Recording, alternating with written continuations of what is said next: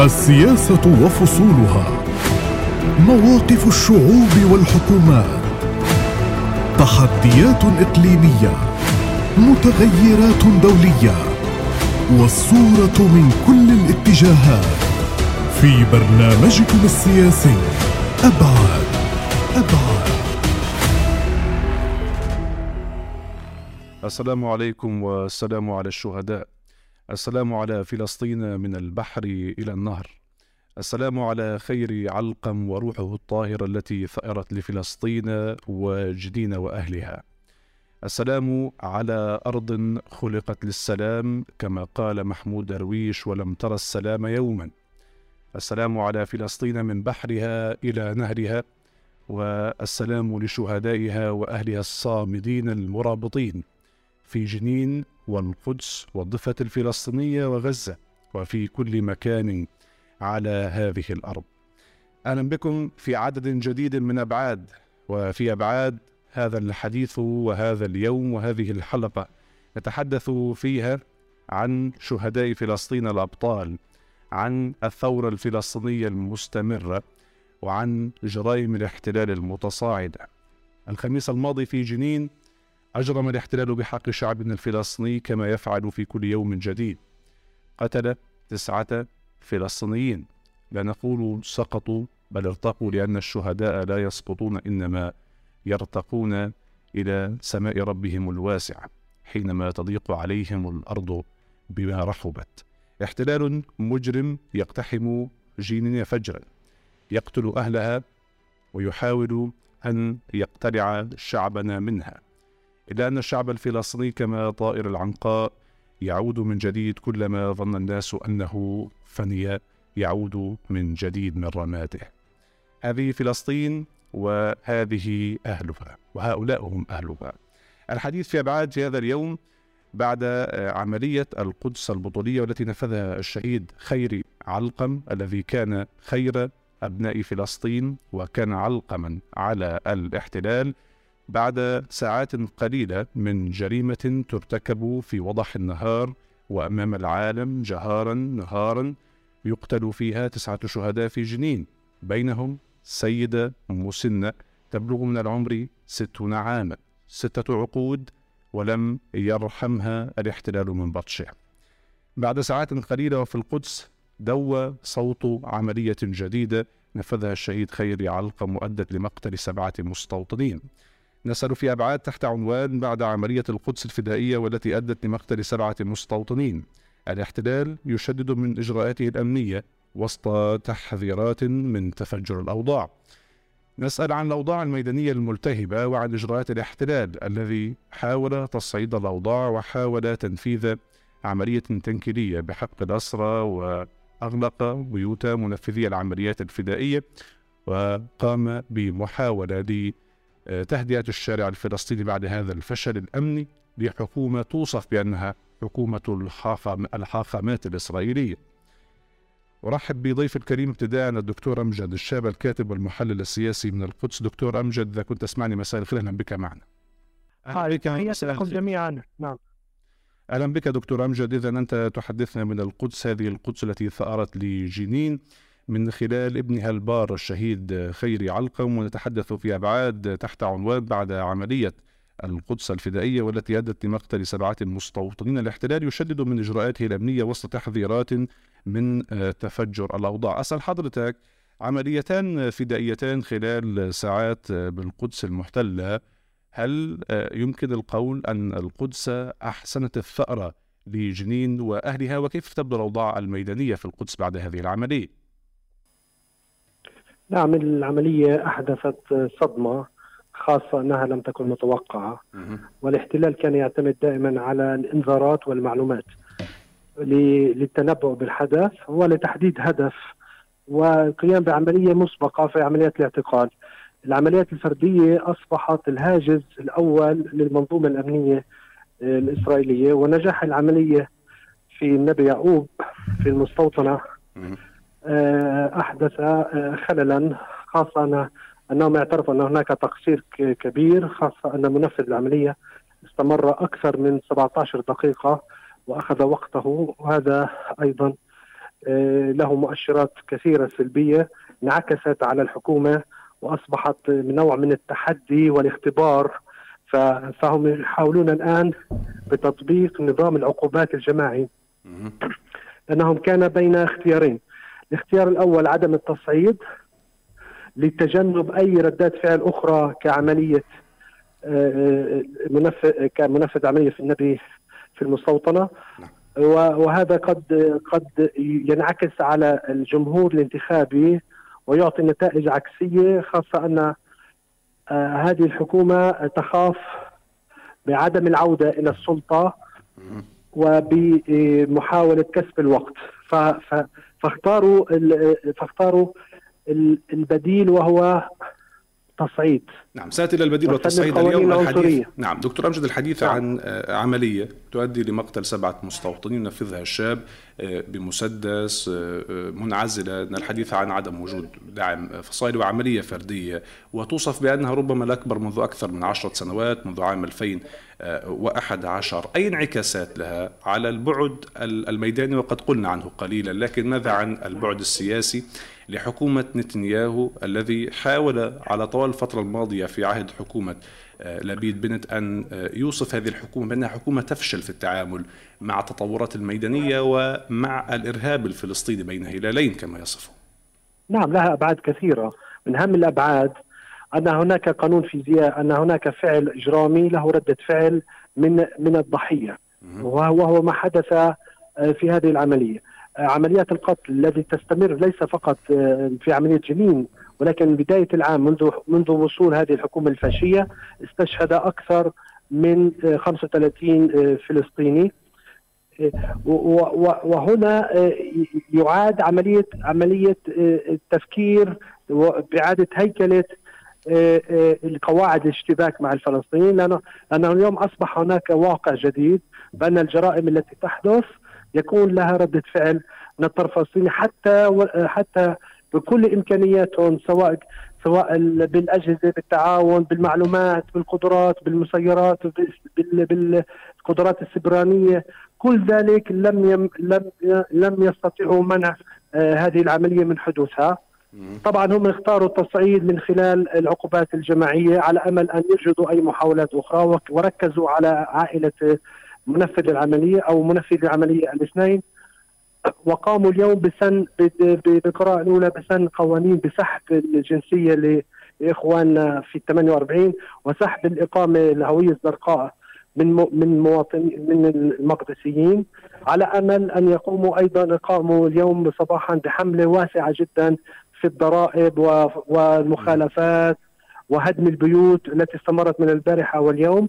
هناك عمليات تصعيد شاملة تشمل لمحاولة كسر إرادة المقدسيين وأيضا محاولات آه، إلى أي مدى دكتور امجد هي محاولات أيضا لإرضاء الشارع الإسرائيلي الذي يشعر بخيبة الأمل من هذه الحكومة من ائتمار ائتمار بن غفير الذي حاول أن يسوق نفسه قبل هذه الانتخابات بأنه المنقذ لحالة الاحتدام وحالة الحرب.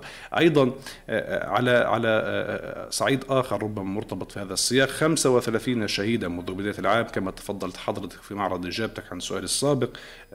يسجل 35 شهيدا في الضفة والقدس منذ بداية العام. هذا هي الأرقام الكبيرة بمعدل أكثر أو أكثر من شهيد خلال اليوم. نحن نعيش اليوم في اليوم الثلاثين من هذا الشهر الأول من هذا العام. وبالتالي أي نعم. عام متوقع على الأراضي الفلسطينية حسب متابعتك أيضا؟ أنا بعتقد أنهم اختاروا التصعيد واختاروا الحفاظ على آه، الشريحة الانتخابية. وخاصة هذا قرار من زعيم من زعيم حزب الليكود نتنياهو. يريد بعد مخاض ثلاث سنوات ونصف وخمس جولات انتخابية يريد أن يحافظ على آه، حكومة آه، مستقرة حتى لو كانت على حساب الفلسطينيين ودمائهم وحساب علاقاته الإقليمية والدولية آه، هو يهتم أيضا بتغيير المنظومة القضائية حتى لا يتم آه، ملاحقته في ملفات الجنائية ويريد أن ينهي حياته السياسية ليس بالسجن. وبعتقد أن هناك تصعيد سيكون أوسع بكثير سيشمل الجميع ليس فقط المقدسيين أو أخواننا في 48 سيكون هناك ردات فعل كبيرة وعمليات اقتحامات كبيرة في في الضفة الغربية في نابلس وفي جنين وأيضا في قطاع غزة. سيكون هناك آه، آه، إجراءات قاسية. لأنهم سينفذون منظومة العقاب الجماعي على يعتقدون أنهم يستطيعون أن يركعوا الفلسطينيين مع زيادة القبضة الأمنية و عمليات القتل الجماعي والهدم ومصادرة الأراضي. هم هم يتجهون نحو التصعيد للأسف. اليوم أيضا نتنياهو الذي نعم نتنياهو الذي ذكرته حضرتك أيضا يحاول أن يهرب من آه، ثالوث قضايا الفساد التي تلاحق بالرشوة وخيانة الأمانة وسوء استخدام المنصب ويحاول أن يكون آه، آه، مصيره ليس بسجن كما سابقيه من ليبرمان وأمثالهم. اليوم أيضا هناك زيارة مرتقبة لوزير الخارجية الأمريكي أنتوني بلينكين إلى الأراضي الفلسطينية المحتلة وإلى الضفة الفلسطينية. سيتخللها لقاء بنيامين نتنياهو وأيضا غدا من المتوقع أن يلتقي بالرئيس السلطة محمود عباس. آه، آه، هذه الزيارة برأيكم هل يمكن أن تحمل جديدا من الجانب الأمريكي أم أنها زيارة معتادة مكررة ولن تحمل إلا دعوات ضبط النفس والتهدئة للجانبين على حد سواء؟ لا هناك مشروع لا هناك مشروع. هو سيعرض امتيازات اقتصادية للسلطة مقابل تعاون أكبر للقضاء على الإرهاب. هم يقصدوا الإرهاب من بين قوسين يقصد المقاومين التعاون مع المقاومين أكثر ويريد من السلطة القضاء على المقاومة في في الجنين وفي نابلس. وسيطرة أكثر على أمل أن يكون هناك امتيازات أكثر آه، ومساعدات مالية أكثر. هذا الاقتراح الذي سيقترحه على آه، أبو مازن في رام الله اليوم آه، ما المطلوب من الجانب الفلسطيني؟ من أجل آه، تعزيز صمود الناس ودعمهم.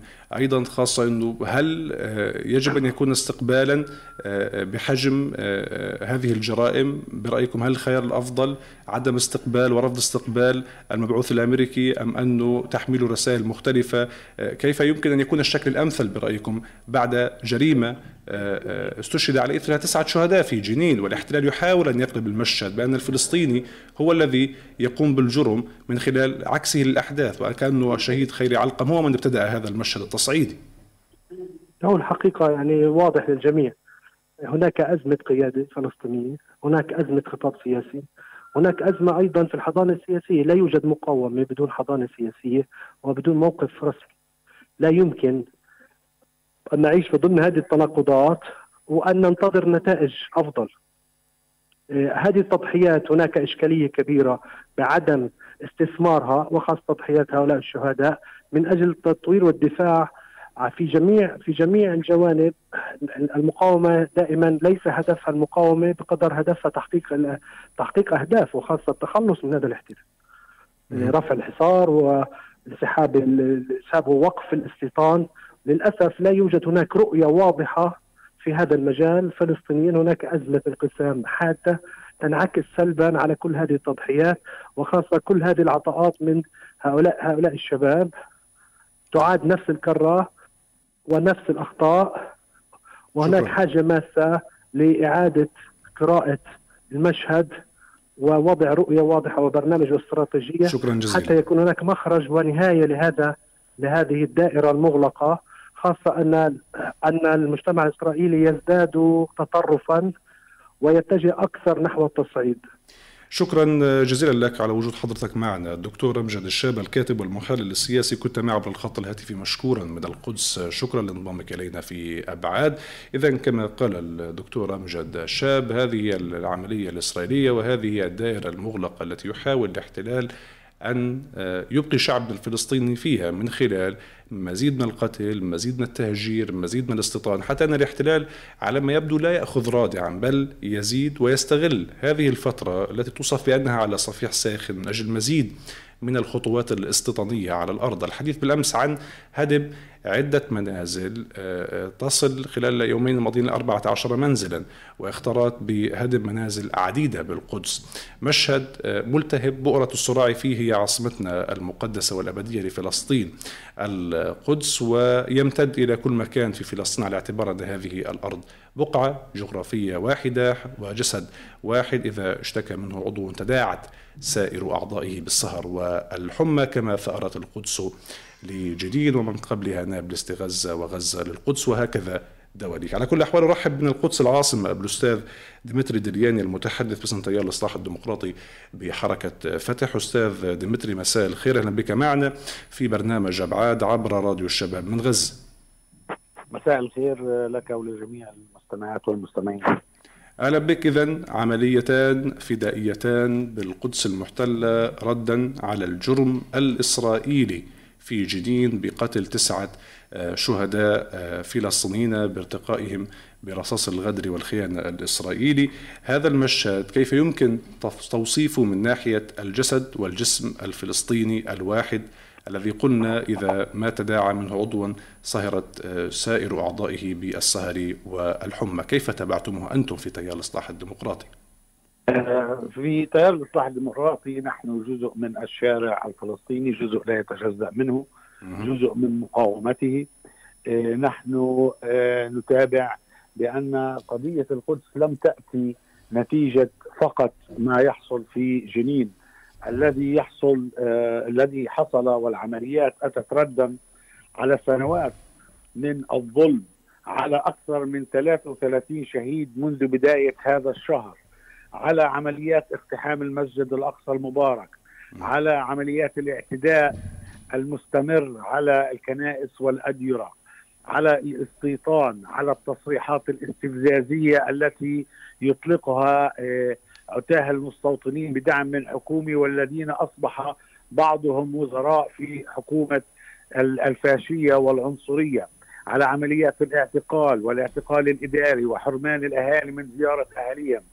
على عملية احتجاز جثامين الشهداء نعم. على قضية الحواجز وتعطيل الحياة اليومية كل هذه قضايا تراكمية لا يمكن لشخص أن يربط عمل مقاوم بردة فعل على شيء آه، معين لكن على الاحتلال بجميع ممارساته الوحشية والإجرامية والإرهابية بحق أبناء شعبنا أبناء شعبنا منذ عشرات السنين يعانون من هذا الاحتلال وجرائمه وبالتالي أي عملية مقاومة هي ليست مقرونة بفعل معين أي أنه إذا كان هناك هدوء من قبل الاحتلال هذا لا يعني أن المقاومة ستتوقف، المقاومة مقترنة بالاحتلال بشكل عام، فالاحتلال ولو كان هادئا فهو عدوان بحد ذاته وهو اعتداء على حقوقنا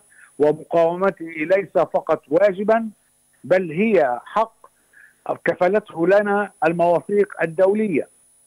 ونحن كشعب فلسطيني غني بتنوعه وثقافاته المختلفة ويعبر عن مقاومته بأشكال مختلفة. فالبعض يتظاهر سلميا البعض يتظاهر من خلال المواجهات البعض يقاوم من خلال القلم البعض من خلال الفن والبعض يختار الطريق التي اختارها خيري علقم. آه وهذا حال شعبنا. وخاصة حينما يكون هناك قيادة غائبة عن المشهد. وغائبة حتى عن سمعت سيد ديمتري إلى هذه القيادة إذا سمحت لي لكن قلت أن شعبنا الفلسطيني كل يقاوم بطريقة وهذا كلام لا شك فيه ولا يوجد عاقل يختلف عليه وبقاء شعبنا الفلسطيني متجذرا بأرضه رغم محاولات الاجتثاث هي أفضل مقاومة والمعلم بعلمه والطالب بقلمه والمقاتل بسلاحه. لكن نسأل اليوم عن وجه هذا الاحتلال وقبل ذلك أسأل عن استغلال الاحتلال لهذه العمليات الفدائية في مزيد من التضييق وفرض الخناق على شعبنا الفلسطيني. حديث عن هدم منازل بالجملة بالقدس إغلاق منازل منفذي العمليات. الأكثر من ذلك هذه الحكومة الإسرائيلية والحكومات التي سبقتها آه، ويبدو التي ستتلو بعد ذلك أيضا. آه، هي مجرمة وتناصب شعبنا الفلسطيني العداء لكن يبدو أن تصريحات تصل لمرحلة أعلى من ذي قبل. اليوم سموتريتش وزير المالية والوزير في وزارة الجيش في حكومة الاحتلال دعا إلى تحويل ملكية منازل منفذي العمليات الفدائية بالقدس لمن وصفهم بضحايا هذه العمليات. ودعا إلى ترحيلهم إلى قطاع غزة. إذا كان هذا الكلام ليس من مستوطن غاضب بل من مستوى سياسي في حكومة. أعتقد يمكن أن توصف بحكومة الحاخامات اليوم. آه، هي آه، يعني حتى قضية حاخامات لا يمكن أن نصنفهم بذلك. فالحاخام هو لقب ديني لكن هؤلاء الإرهابيين ممكن أن يكونوا حاخامات ممكن أن يكونوا أيضا ملحدين. لكن الشيء الوحيد الذي يجمع بينهم هو أنهم إرهابيين فاشيين. طبعا هذه التصريحات لابد أنها تعكس مدى مدى نجاح العمليتان في القدس بهز الأركان الفاشية والعنصرية للأيديولوجية الصهيونية المبنية عليها دولة الاحتلال والتي يحملها بكل صدق وكل وقاحة سموتريتش أو حتى بنغفير. وهذا التصريح يعتبر ويعني وتصريحات حتى بنغفير والمؤتمر الصحفي ليلة السبت وطريقة كما بدا مرتبكا غاضبا لا يجمع أفكاره. بدا كانه كأنه وسموتريتش كأنهما طفلان قام أحد الأشخاص بأخذ لعبتهما. واصبحا يتصرفا بلا أي نوع من الحدود واصبحا ينطقان بدون التفكير.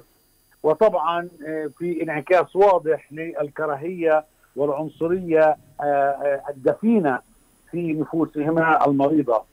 لكن أنا أعتقد بأن الجرائم التي أعلن سموتريتش وبنفير عن نيتهما عن تنفيذها لم تمر إلا موافقة رئيس الحكومة. ومن الواضح أن رئيس الحكومة نتنياهو الارهابي الأكبر هو موافق وقد أبدى إشارات لذلك من أجل ذلك لإنقاذ طبعا كرسيه على حساب دماء وحقوق أبناء شعبنا. والحديث يدور الآن عن هدم أكثر من 150 منزل في مدينة القدس وهذه تعتبر مجزره وسيكون ردود فعل نعم. كبيرة و... وعلى ذكرك لردود الفعل أسأل حضرتك حقيقة في الجانب الميداني قبل أن ننتقل في السؤال التالي للجانب السياسي الفلسطيني. برأيكم ما المطلوب من الشارع الفلسطيني الذي حقيقة لا يحتاج لأحد أن يقول له ما المطلوب لأنه يسبق قيادته بأفعاله الميدانية على الأرض من أجل التصدي لهذه الهجمة الإسرائيلية التي يبدو أنها تتصاعد في منحنى يذهب إلى الأعلى والقمة خاصة في ظل هذه الإجراءات الإسرائيلية على الأرض. هلا في صوت. آه بالنسبة بالنسبة نعم أستاذ تفضل. سامع في صوت من الطرف عندك على حد بالنسبة لما هو مطلوب من الشعب الفلسطيني كما قلت الشعب الفلسطيني يعرف طريقه والشعب الفلسطيني شعب حي متنوع يحترم بعضه البعض يحترم حقوقه متماسك لم يستطيع الاحتلال خلال كل هذه السنوات من أن ينجح في بث الفتنة.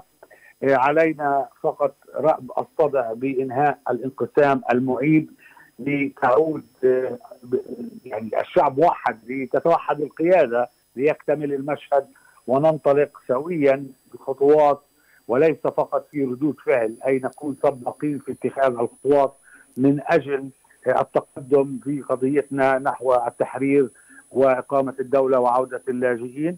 وباعتقادي بأن شعبنا الفلسطيني هذا الشعب الحي العظيم لن يكون آه لن يضعف أمام آه تصريحات آه هؤلاء العنصريين وخططهم بل أعتقد أن هؤلاء إذا كانوا يظنوا بأن الشعب الفلسطيني سوف ينتظرهم ليفعلوا ما يفعلوه من جرائم وأنه سينظر إليهم ويشاهد مكتوف الأيدي أعتقد بأنهم إما مختلين عقليا أو أنهم غرباء كل الغرب عن فلسطين والشعب الفلسطيني. ديمتري الحديث أيضا عن زيارة مرتقبة لبلينكين اليوم لقيادة الاحتلال السياسية وأيضا للقاء الرئيس عباس غدا في رام الله، هل ستحمل هذه الزيارة جديد وبرأيكم كيف يجب أن يكون التعاطي الفلسطيني على الأقل مع هذه الزيارة التي حتى بعض وسائل الإعلام الأمريكية وصفتها بأن بلينكين سيعود لدعوة كل الأطراف لضبط النفس ومحاولة تهدئة الأوضاع على الأرض؟ أنا بصراحة رجعت برنامج بلينكين كما هو منشور في صفحة وزارة الخارجية الأمريكية.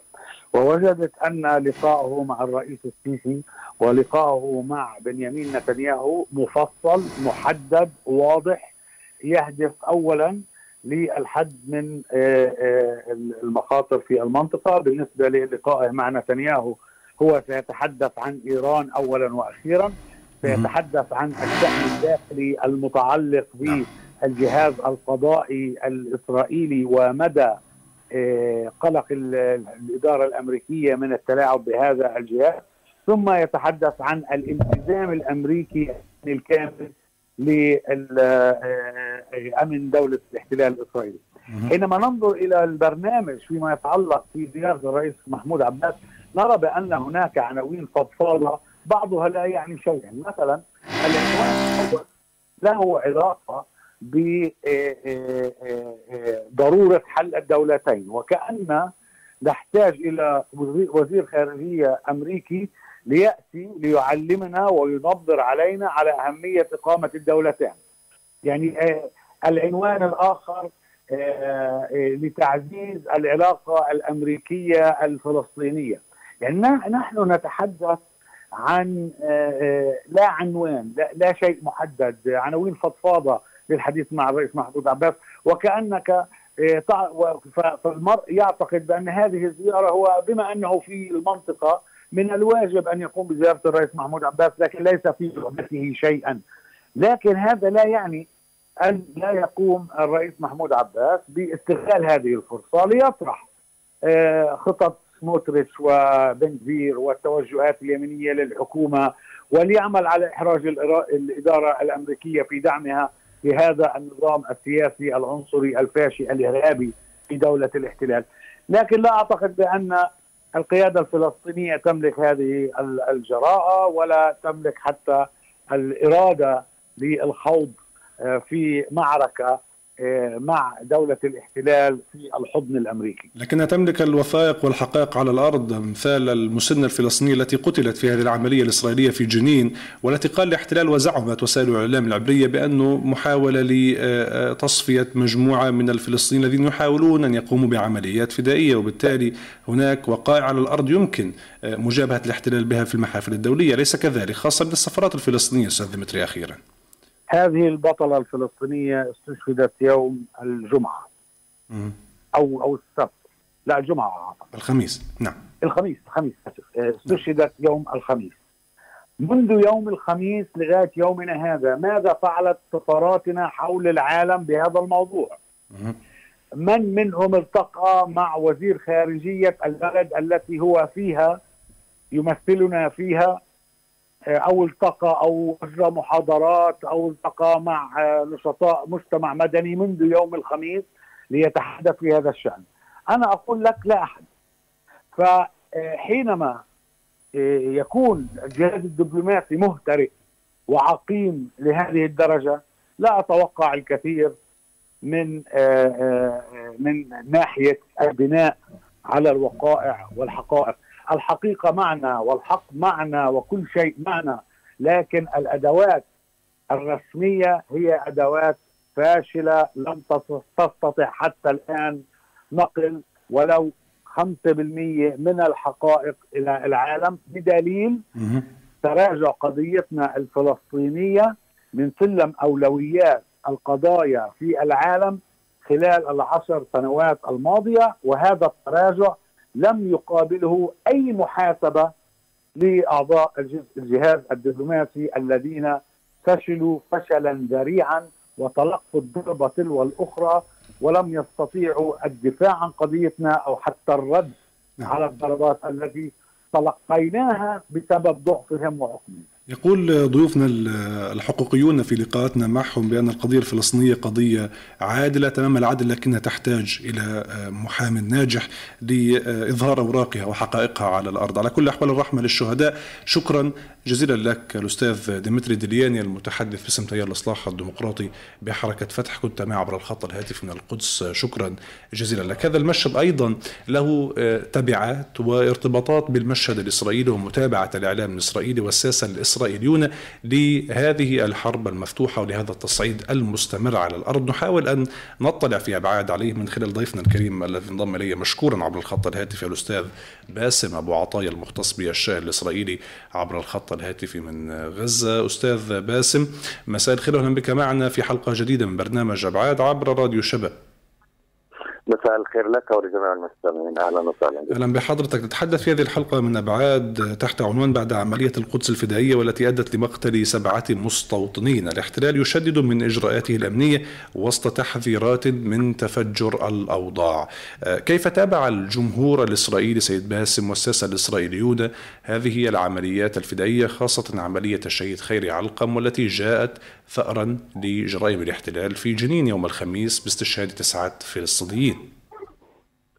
يعني الإعلام الإسرائيلي انقسم نصفين في التعامل مع العملية وتعامل حكومة نتنياهو في الرد على هذه العملية، بداية هناك من تحدثوا بشكل واضح أن كلما آه، قتلنا منهم أكثر سيقتلون مننا أكثر، وبالتالي هم يحملون الحكومة الإسرائيلية ويحملون الجيش الإسرائيلي أن هذه سلسله العنف التي تدور في هذه المرحلة وسببها ما يقوم به جيش الاحتلال لكن هذه الأصوات الضعيفة القليلة داخل دولة الاحتلال نعم. ليست هي الأصوات المؤثرة هناك من تحدثوا بشكل واضح عن أن هذه العملية كانت عملية مؤلمة ويجب أن يكون الرد عليها ردا مؤلما ويوازي حجم هذه العملية وتأثيرها على الشارع الإسرائيلي. وهناك من روى أن حتى رد الفعل التي قامت به الحكومة الإسرائيلية ومخرجات الاجتماع المجلس الاداري المصغر الإسرائيلي فيما يتعلق بالترحيل وإغلاق المنازل وعمليات الاعتقال والقتل ونشر الشرطة هي نوع من دس الراس بالرمال وأن هذا الرد غير كافي من أجل منع مثل هذه العمليات.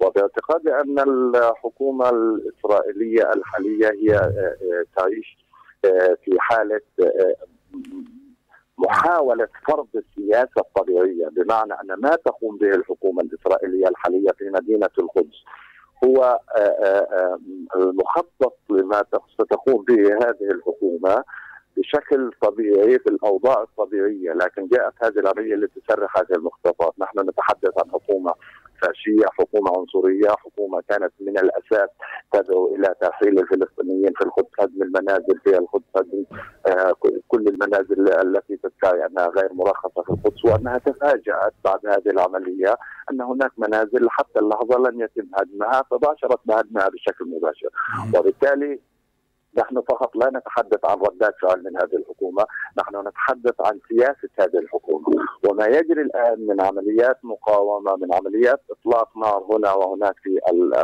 القدس المحتلة في مناطق آه، الضفة الغربية على الحواجز آه، الإسرائيلية، هو الأمر الطبيعي لمواجهة هذا الاحتلال وعنجهيته وعنصريته. ورد الفعل الطبيعي يا أستاذ باسم على هذا الجرم الإسرائيلي المتواصل، ومن الواضح كما قلت حضرتك انه الاحتلال يحاول أن يستغل هذه الأوقات الملتهبه الملتهبة كما قلت في مقدمة هذا البرنامج من أجل مزيد من الاستيطان. 35 شهيدا منذ بداية العام بمعنى أنه يتجاوز عدد شهيد كل يوم ونحن نعيش في اليوم الثلاثين من هذا العام ومن هذا الشهر. آه، أيضا على صعيد هدم المنازل هناك حديث عن هدم عشرات المنازل بالقدس المحتلة. تصريحات اليوم أيضا آه، آه، سموتريتش التي دعا فيها إلى ترحيل منفذي العمليات وعائلاتهم. إلى قطاع غزة وتحويل ملكية منازلهم لضحايا كما وصفهم بالعمليات الفدائية. في أيضا في أي سياق يمكن فهم هذه التصريحات من المستوى السياسي الرسمي الإسرائيلي من المستوطنين الذين يقودون حكومة فاشية توصف بأنها الأكثر تطرفا في تاريخ دولة الاحتلال؟ يا سيدي هذه هي الرؤية التي جاء بها سموتريتش وبن كفير إلى هذه الحكومة. هذا ما وعد به سموتريتش وبن كفير الناخب الإسرائيلي الذي آه، أوصل هذين العنصريين المتطرفين إلى سدة الحكم. هما يحاولا بكل ما أوتي من قوة أن يستغل الظرف الحالي يستغل هذه العمليات من أجل زيادة الضغوط على آه، نتنياهو من أجل أن يطبق هذه السياسة، سياسة الترحيل، سياسة المصادرة، سياسة الاستيلاء على الأراضي سياسة أن تكون القدس مستباحة وبشكل كامل وكبير إلى الاحتلال. وكان هناك محاولة أكبر من ذلك هي الضغط على نتنياهو أيضا داخل الكابينيت وكلنا علم عن الخلافات التي دارت خلال الجلسة الوزارية المصغرة آه، آه، أنهم كانوا يريدوا أن يفرضوا أيضا عقوبات على قطاع غزة ضمن إطار حزمه هذه الاطارات الا ان نتنياهو رفض وبالتالي عندما يرفض نتنياهو أن يستمع إليهم فيما يتعلق بقطاع غزة عليه أن يستجيب لما يطلباه فيما يحدث في مدينة القدس. ولذلك هو قدم تنازلات كبيرة في هذا الأمر في عمليات الاعتقال، عمليات الهدم، عمليات إغلاق المنازل. واليوم يتحدث عن مسألة الترحيل. يعني أنا أول مرة في تاريخ دولة الاحتلال أنه يتم الحديث عن ترحيل كل من ينفذ عملية حتى ولو وعائلته حتى ولو لم يقتل الاسرائيليين بمعنى أننا اليوم أمام مرحلة آه، آه، آه، أطلق فيها العنان إلى هذه الأفكار العنصرية الكهنية المتطرفه من أجل أن تواجه الفلسطينيين العزل في مدينة القدس بكل شراسة وبكل عنف دون أن يكون هناك رد فعل قوي ورادع لكن أمام ذلك يا أستاذ باسم الحكومة عن مثل هذه الممارسات. نعم عذرا المقاطعة لكن أمام هذه أيضا الحكومة الإسرائيلية أمام هذا الفشل على ما يبدو خاصة أنه حتى تبعنا بن جفير مثلا حينما توجه سريعا إلى مكان العملية لم يدلي بتصريح صحفي كان مشتاطا غضبا ويبدو عليه التلبك وحتى أن بعض الإسرائيليين هاجموه بأنه هذا ما فعلته أنت في تصريحاتك وباقتحامك للأقصى ما الذي جلبه لنا؟ قتلوا ابنائنا هكذا قيل. وفي هذا الظلال ذلك أسأل حضرتك هل هو ما سيكون خلال الأيام القادمة ما سيدفع باتجاه تصريحات آه، آه، أمثال آه، سموتريتش بترحيل العائلات الفلسطينية التي قلت أنه لم يسبق بهذا الشكل، هل بمعنى ذلك أننا ذاهبون إلى تصعيد أكبر خلال الأيام القادمة وفق متابعة حضرتك؟ نعم هذا صحيح. كلما زادت الهجمة والشراسة الهجمة على الفلسطينيين سواء كان في الداخل أو في حتى في مناطق الضفة الغربية المحتلة يكون هناك رد فعل فلسطيني وقد يوازي هذا الاجراء يعني حتى الإعلام العبري حتى المؤسسة الأمنية داخل دولة الاحتلال حذرت نتنياهو إن هذه الإجراءات التي تجري الآن في القدس ستقودنا إلى مواجهة عسكرية مفتوحة ستقودنا إلى موجة عمليات كبيرة. هناك إنذارات اليوم في المصادر العسكريه للحكومة الإسرائيلية وللجيش أن هناك انذارات ساخنة وساخنة جدا أن هناك عمليات ستنطلق من جنين ومن نابلس ومن كل مناطق الضفة الغربية لمواجهة الجيش الإسرائيلي. قد تكون تندرج في إطار الحملة الشرسة التي يعد لها الجيش للانقضاض على المقاومة على شعبنا في الضفة وفي نابلس في جنين. لكن أيضا هناك مخاوف من أن ردات الفعل تكون بشكل اعنف وتكون بشكل آه، آه، قد يؤدي إلى تفجير الأمور بشكل لم تكن حكومة الاحتلال تتوقعه وتخشى من أن يكون هناك انتفاضة ثالثة حتى في هذا الإطار. لكن هذه الانتفاضة ستكون مختلفة؟ انتفاضة عسكرية انتفاضة مسلحة يكون عدد القتلى الإسرائيليين بها يوازي ما قد يسقط من شهداء فلسطين. سيباس بحق الوقت يضيق لكن هناك أكثر من محور هام في هذا السياق. سنحاول أن نعرج عليه سريعا. الحديث عن آه، آه، هذه الإجراءات الإسرائيلية من أساسها وبالعودة لبداياتها وهذا التصعيد في جنين وغيره هل هو تتفق مع الطرح القائل أنها محاولة لتصدير الأزمات الخارجية الداخلية إلى أزمات خارجية مع الفلسطينيين خاصة آه، بأنه تشهد المدن مظاهرات كبيرة غير مسبوقة ضد حكومة نتنياهو يقدر بأكثر من مئة ألف ويقودها أيضا لابيد والحكومة السابقة. هل هي محاولة تصدير هذه الأزمة إلى الخارج برأيكم سريعا؟ يعني أنا لا أرى أن الأمر مرتبط بهذا الشكل لأنه لو لاحظنا أن عدد الشهداء والذين سقطوا في فترة حكومة لبيد لبيد قبل أن تدخل هذه الحكومة بشكل موازي وأكبر والهجمة كانت بشكل أشرف. حتى التظاهرات التي كانت تنطلق يوم السبت لم تمنحها العمليات التي وقعت آه، آه، يوم الخميس يوم الجمعة والسبت من آه، الانطلاق والطلق بالالاف في نادي تل أبيب لمواجهة هذه الحكومة. ما يجري الآن هو السياسة الإسرائيلية، الآن المنافسة هي من يقتل أكثر، من يستطيع أن يقوم بحالات رد فعل ضد الفلسطينيين بشكل أكبر، اليوم بن كبير هو وعد المواطن الإسرائيلي وعد وعد الناخب الإسرائيلي بأنه هو من سيعطي أوامر إطلاق نار جديده سيغير قواعد الاشتباك سيستطيع أن يمنح هذه المقاومة سيستطيع أن يصل إلى هؤلاء المقاتلين وقطع تصفيتهم وقتلهم واعدامهم وإلى آخره. وبالتالي هو ما يجري الآن هو التطبيق لهذه السياسة التي أعلن عنها في إطار المنافسة على قتل الفلسطيني، لكن إذا أراد الاحتلال أن يصعد بشكل أكبر من أجل أن يصدر الازماء باعتقادي أن ما يجري مع إيران وما يجري مع سوريا من عمليات قصف ونقل المواجهة إلى الخارج هذا قد يندرج في هذا الإطار بشكل أكبر. نعم. على ذكرك لايران أخيرا أنتوني بلينكن اليوم يصل إلى دولة الاحتلال في زيارة للقاء لنتنياهو متوقع ووزير خارجية حكومة الاحتلال أيضا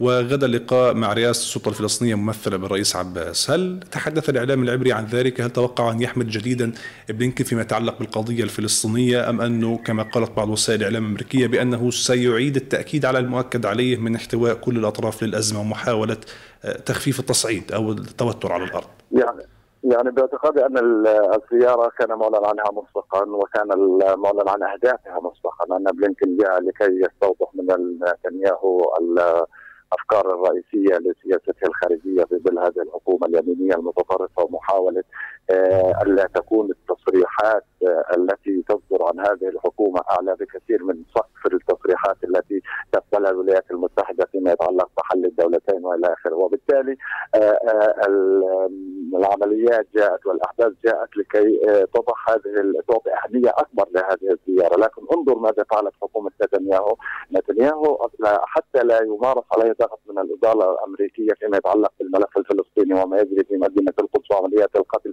وما تقوم به حتى حكومته ووزراء حكومته سعد المدير سموتريتش التي تعترض عليهم الولايات المتحدة قام بنقل المعركة إلى الخارج من أجل أن يغير حتى الخطاب يغير الحديث الذي سيطرح الآن على الطاولة. الآن ما سيأتي به بلينكن حادث في نتنياهو هو عملية تهدئه الساحه الخارجية فيما يتعلق بالملف الإيراني وهذا جزء من اللعبة التي تلعبها الإدارة إدارة آه، بنيامين نتنياهو من أجل آه، تخفيف الضغط عن حكومتها ونقل الملفات إلى آه، ملفات سؤال أخير لحضرتك وبنعم اولى وفي نصف دقيقة لو تكرمت، هل تصمد حكومة نتنياهو امام كل هذه التطورات السياسية على الأرض، الأزمة الداخلية، التصعيد الذي يمكن أن يخرج كما قلت الانتفاضة الثالثة ويخرج عن حدوده المتوقعة، هل تصمد هذه الحكومة حتى نهاية ولايتها برأيكم خاصة بالنظر لأن الحكومات الإسرائيلية خلال الفترات الماضية لم تصمد أي حكومة إسرائيلية منذ مدة طويلة حتى نهاية فترتها؟ باعتقادي صعب جدا أن نتحدث عن أي حكومة في دولة الاحتلال الآن قادرة على أن تنهي الأربع سنوات، لكن باعتقادي أن هذه الحكومة يمكن لها أن تصمد إلى الفترة معينة التي يستطيع من خلالها نتنياهو أن يطهر نفسه من ملفات فساده ومن ثم سيذهب هو بنفسه إلى حل هذه الحكومة. شكرا جزيلا لحضرتك الأستاذ باسم أبو عطايا المختص بالشأن الإسرائيلي. كنت معي عبر الخط الهاتفي من غزة. شكرا لانضمامك إلينا. الشكر موصول للاستاذ ديمتري دليان المتحدث باسم تيار الإصلاح الديمقراطي بحركة فتح من القدس. وشكر أيضا للدكتور أمجد الشاب الكاتب والمحلل السياسي من القدس. وكما قال ضيوف الكرام هي حرب مفتوحة مفتوحة هي حرب آه، وجود وليست حرب حدود مع هذا الاحتلال الذي يحاول أن يقتل شعبنا الفلسطيني حيثما وجد إجراءات تصعيدية أكثر رغم أن آه، شعبنا يؤكد صموده وتمسكه بهذه الأرض الفلسطينية. خير علقم خير أبناء فلسطين آه، ثأر لجنين وأهلها. كان علقما مرا شديد البرارة على الاحتلال والاحتلال اليوم يحاول أن يدفع عائلته الثمن وواجب على شعبنا الفلسطيني وقيادتنا الوطنية أن تقف سدا منيعا أمام هذه الخطوات الإسرائيلية وأمام هذه الإجراءات التي آه، آه، والتاريخ يسجل يسجل من ينتصر لشعبنا ومن يتخاذل والتاريخ لا يرحم احدا. الرحمة للشهداء آه، الشفاء العاجل للجرحى نأمل أن نلتقي الأسبوع القادم وواقع شعبنا بحال أفضل وكما قال محمود درويش سلام لأرض خلقت للسلام ولم ترى السلام يوما.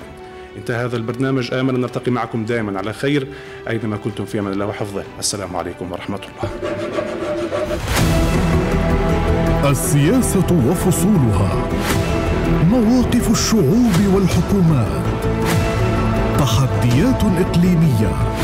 متغيرات دولية والصورة من كل الاتجاهات. في برنامجكم السياسي أبعاد